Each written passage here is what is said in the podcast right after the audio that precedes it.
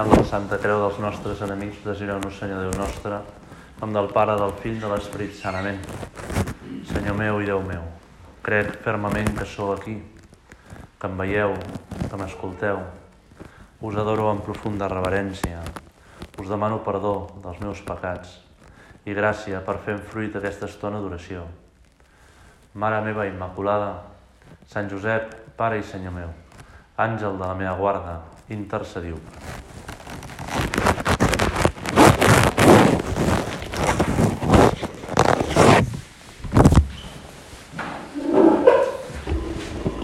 Amb la vostra llicència, sobirà Senyor sacramentat.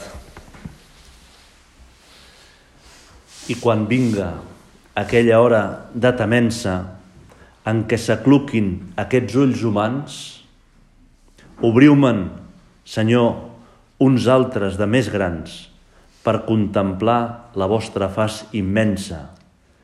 Síem la mort una major naixença. Vaig escoltar aquesta poesia del cant espiritual del poeta català Joan Maragall. La va recitar un mossèn al començament de l'homilia del funeral de la seva mare. Els mossens, la mare ens uneix, ens uneix molt especialment. Tots els altres mossens que l'estàvem acompanyant en aquest moment, molt vivencialment, existencialment, molt profund, molt potent per ell, ens vam quedar glaçats de, la, de com el llegia el poema aquest. Li havia demanat ella mateixa, mira, en el meu funeral digues això. I quan vinga aquella hora de temença, en què s'aclurquin aquests ulls humans, obriu-me'n, Senyor, uns altres de més grans, per contemplar la vostra faç immensa. Síem la mort una major naixença. Fixeu-vos que no diu que la mort sigui el primer naixement, la primera vegada que et vegi, sinó que et vegi definitivament, que et vegi ja sense filtres, que, que et vegi sense, sense el vel de la fe, que directament et contempli a tu. Però aquesta contemplació, aquest saber mirar i saber-se mirats per Jesús comença aquí a la terra. Jo aquell funeral em vaig commoure i penso que molta gent també. Un fill pronunciant l'homilia al funeral de la seva mare. Vaig sentir orgull d'estar en aquell moment acompanyant aquesta senyora, la mare d'un mossèn amic, a la casa del pare, perquè això és un funeral. El funeral és el moment en què tots ens reunim i el fèretre es posa com per ser enviat, com un coet que surt cap al cel. No? Acompanyar la recta final. Fa un, uns mesos hi va haver un amic meu que va córrer la seva carrera de la seva vida. És la, la carrera, l'Ultra Trail Mont Blanc. No sé si són 180 quilòmetres, no sé si són 6.000 de desnivell o, o 8.000 o no sé quants són. La cosa va estar corrent 32 hores o 35 hores el tio. I la seva família el anava seguint i se'n anava a dormir, el llevava, el tornava a seguir, no? I clar, la imatge final, i tots el vam seguir per WhatsApp perquè va fer un grup de WhatsApp de més de 100 persones i ens va enviar el vídeo de l'arribada final. L'arribada final és entrar a, a, a Gavarní, a Gavarní, no, m'he anat a França, entrar a... Ara se m'ha anat el nom. Bueno, a, a això, Chamonix. Esto. Entrar a Chamonix i tota la família va córrer amb ell els últims metres. Anava trontollant el tio, no, no s'aguantava dret.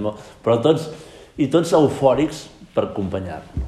I a mi això em va recordar una miqueta el funeral aquest, perquè era una miqueta això, no? la, la carrera final en què acompanyava aquest mossèn i els, i els altres mossèns germans seus, amics seus, a la seva mare, camí del cel perquè arribés a la meta. No? I vaig sentir l'orgull, orgull profund d'estar acompanyant aquest mossèn perquè la seva mare havia arribat a la meta. Orgull perquè aquesta dona havia viscut la seva vida com una peregrinació a la casa del pare. Peregrinació. Gaudint a la terra però mirant cap al cel. On hi ha el nostre destí, la nostra casa definitiva, l'amor infinit de Déu. Pensem això bé avui a la presència de Déu. Com deia Sant Josep Maria, l'alegria del cel és pels qui saben ser alegres a la terra. La felicitat del cel és pels qui saben ser feliços a la terra. Estimar apassionadament el món, ensenyava Sant Josep Maria, per estar estimar apassionadament el cel. La mare d'aquest mossèn havia viscut així. A tope, gaudint de la vida, lluitant perquè tot el que fes l'acostés a Déu. És un viure amb sentit. Fa molts anys em van parlar d'un llibre que havia escrit un conferenciant americà, d'aquests homes que viu ensenyant als altres coses molt profundes i li paguen molts diners per cada conferència que fa. I, i el cridaven de, de diferents llocs del país, tenia dona, tenia dos filles, i estava poc a casa perquè era un tio amb molt d'èxit, un empresari que tenia una gran visió i una gran capacitat de comunicació. Però es va començar a trobar malament i, i va anar al metge, li van diagnosticar un càncer terminal.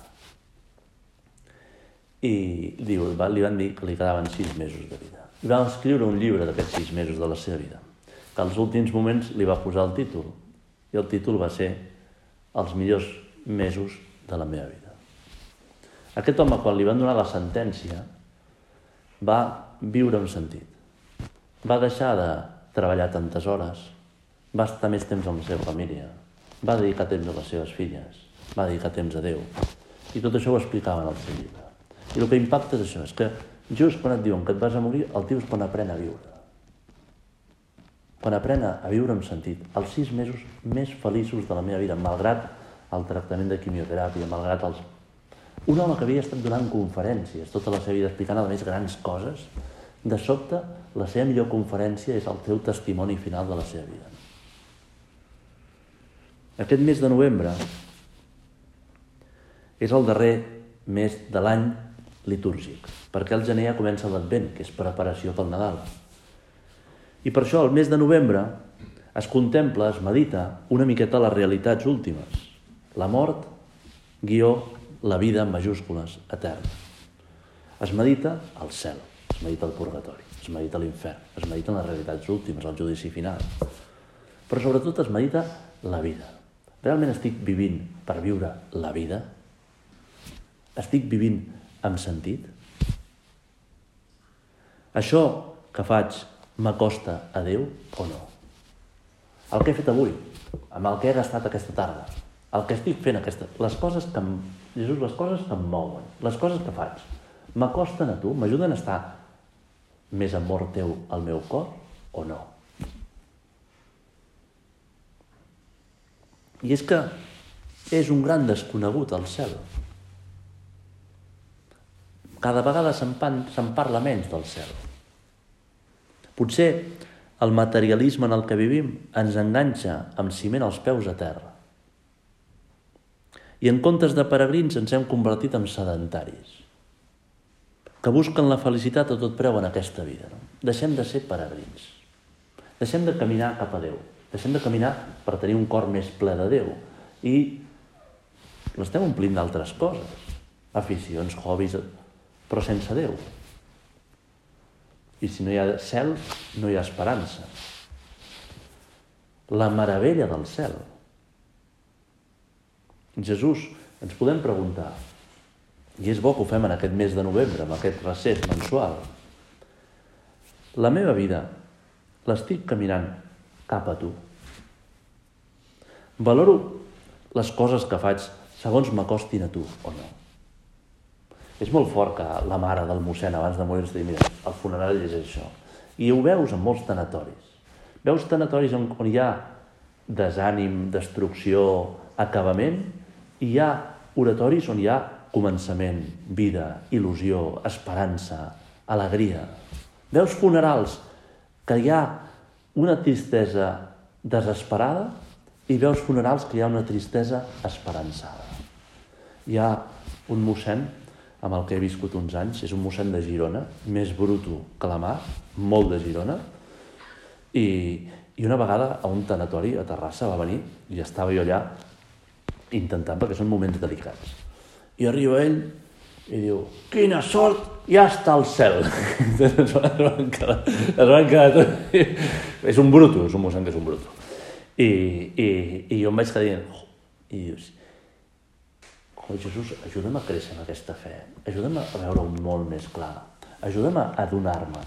I per això és el mes de novembre un bon mes per meditar això. Escolta, estimo tant a Jesús que crec en el que ell m'ha promès, que me n'adono de la felicitat absoluta que és el cel.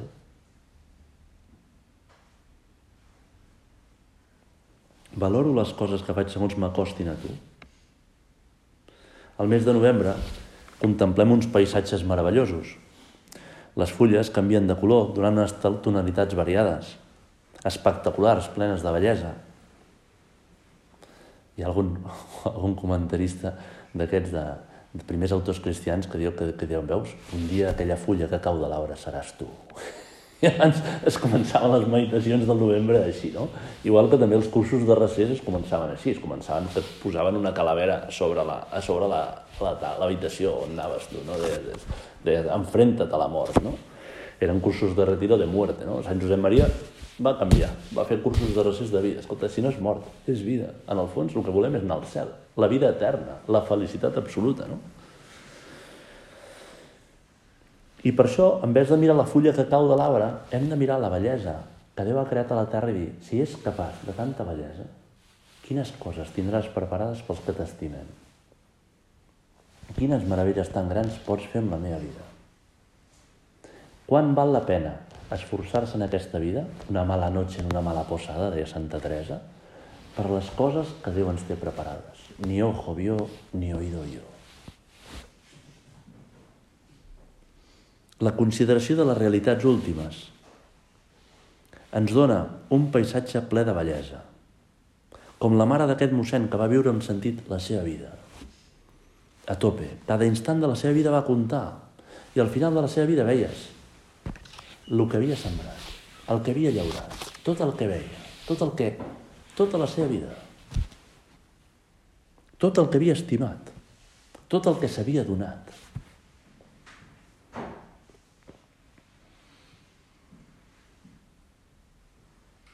Jesús, a un, a un passatge de l'Evangeli, s'acosta a un poblet entre les muntanyes de Galilea que es diu Naïm, un poblet petit, emmurallat. Estan parlant amb els seus apòstols, estan xerrant, disfrutant. No sé si en aquell moment l'acompanyaven només els dotze o tota la quantitat de deixebles que seguien a Jesús. La qüestió és que al costat de Jesús hi havia un ambient d'alegria, de serenor, que és l'alegria del cel, que és el que tindrem al cel. I de sobte Jesús es para perquè d'aquella ciutat surt una comitiva fúnebre. Porten a enterrar el fill únic d'una senyora vídua. I t'imagines, la processó, els apòstols que es queden amb el riure a la boca tancat i amb l'acudit a mig explicar perquè ve tota una gent plorant, a més, eren d'aquests tipus orientals que contractaven senyores planyideres per cridar i fer esgarrips d'aquest. No? I una camilla portant el fèretre, un noi jove tapat amb un llençol. Darrere una senyora vestida de negre, mig derrumbada. Vídua, o sigui, ja una de les pobres d'Israel perquè ja no tenia sustento, ja no tenia res, i a més li mor el fill únic. Peor impossible. Tot el poble estava obligat a parar el que fes, les classes de les sinagogues, etc per acompanyar aquesta vídua pobra a enterrar. I Jesús es para, vol que els seus deixebles contemplin aquesta realitat. I Simó Pere, i Joan, i Jaume, Tomàs, Andreu es queden al costat del camí, s'aparten per veure passar la comitiva. I tots es plantegen la realitat de la mort. Un dia hem de morir. Un dia s'acabarà. Què estic fent jo per la vida? Que estic jo per anar al cel. Els altres, diu Sant Josep Maria, la mort els sobta i els atura. A nosaltres, la mort, la vida, ens anima i ens empeny. Per ells és la fi, per nosaltres, el començament. És com eh, Sir Thomas Moro, que el dia que li van tallar el cap en el verdugo li va donar una paga perquè fes bé la feina. Li va dir, talla bé, eh? Talla bé, no? O és com eh, el mateix Tomàs Moró, eh, uns monjos que, dels pocs que a Anglaterra no van jurar fidelitat al rei i, i, i no van eh, apartar-se del papa, perquè van, van eh, deixar de ser catòlics moltíssima gent, van, van fer apostatar moltíssima gent, van aguantar Tomàs Mora, John Fisher, uns quants, em sembla que de bisbes ningú més, i uns quants més. Un d'aquests monjos grandets que, que van allà i van dir o jures i, i, i, i renuncies al papa i et separes de l'església o et, et matem, et tirem al Tàmesis. I el monjo amb un somriure li va dir, mira, el meu objectiu és anar al cel. Tant me fa anar-hi per terra que per mar. Així és. Doncs és així. Si volem anar al cel, la vida, el cel per sempre més. Quan estem vivint una vida d'amistat amb Jesús, la mort és la vida, és l'arribada a un destí. Per això el poeta diu una major naixença, perquè ja hem nascut a la terra, ja tenim una amistat personal amb Jesús a la terra. Ja intentem tenir una amistat personal amb Jesús a la terra, ja intentem dedicar-te a tenir Jesús, perquè visquis en mi i jo visqui amb tu. Això és l'amistat. L'amistat és viure un en l'altre. Hem de preguntar-nos, jo visc amb Jesús? Me n'adono de, de, de, quan llegeixo l'Evangeli, que no és només una, un text explicatiu, sinó que és vivencial, que jo el visc amb Jesús. Estimo a Jesús. Em sap greu quan algú diu una cosa dolenta de Jesús. Quan diu una blasfèmia, em dol perquè li dol al meu amic. Quan no em surt bé la missa, quan no em vaig a missa, em dol perquè Jesús m'ha estat esperant a la missa. Això és l'amistat. I la naixença definitiva és el cel, quan aquella, això es fon amb una abraçada, se'ns omple d'amor. A Terrassa hi ha un mossèn famós, ja va morir, que va començar un, un moviment com de joves molt impotent, i va escriure uns llibres que es diu L'ermità de Turbians, aquí no crec que hagi arribat, però són llibres com molt eh, casolans, per dir-ho, però molt, amb una saviesa molt profunda. I eren la seva direcció espiritual amb els joves trasladada a una ermità que vivia al peu del Pedraforca, a Turbians, a Sant Miquel de Turbians, i un jove li va preguntant coses. I quan el jove li pregunta, però la mort com la pots viure en positiu? I diu, mira, la mort és sobretot l'abraçada de Déu. La mort, el primer que et passa quan et mors és que Déu t'abraça. Però una abraçada d'amor tan gran, si heu vist a l'aeroport persones que arriben després d'un viatge llarguíssim i els familiars se li abracen que no el volen deixar anar. No? I és per això multiplicat per milions i milions. D'un Déu que ha somniat amb tu des de l'eternitat. D'un Déu que ha mirat cada instant de la teva vida, com si cada segon fos una eternitat. I és l'abraçada, perdó, l'abraçada que ens donarà el cel. És espectacular. I aquella abraçada d'amor se'ns obriran els ulls de tal manera que veurem fins al detall més petit d'infidelitat, fins al detall més petit de, de, de distància amb Déu. I és llavors quan diem, Déu, deixa'm que purifiqui el meu cor, al purgatori. Deixa'm que acabi de purificar-me per poder rebre tota aquesta abraçada amb tot el meu cor. I això és el purgatori. Déu no ens condemna al purgatori, el purgatori ve per nosaltres, o l'infern. El que nosaltres mereixem és l'abraçada de Déu. I el nostre objectiu, que deia Sant Josep Maria, és saltar-nos al purgatori a la torera. I per això és bo, al mes de novembre, a part de resar pels difunts, les beneies ànimes del purgatori, també, escolta, estic vivint amb sentit. Estic vivint com si fos l'últim dia de la meva vida. Estic realment fent les coses que em fan feliç de veritat. Realment apunto a la felicitat del cel. És un temps molt maco, el, el mes de novembre, per, per resar això. No? Com serà de dolç al cel si la terra ja s'està tan bé tantes vegades? No? Si a la terra tenim tantes felicitats i tants moments de, de, de goig i d'això, com pot ser? Com podrà ser? No? És que m'esclatarà el cor de felicitat.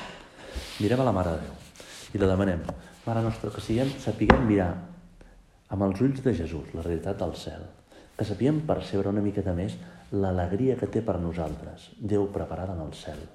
Que veiem l'anel que té Déu de nosaltres, l'anel d'aquesta abraçada infinita de Déu. Que veiem la necessitat de viure una vida amb sentit, perquè ens n'adonem més del que ens estima Déu.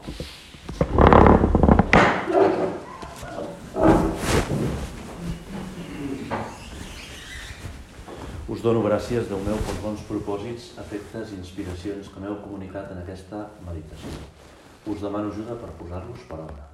Mare meva Immaculada, Sant Josep, Pare i Senyor meu, àngel de la meva guarda, intercediu per mi.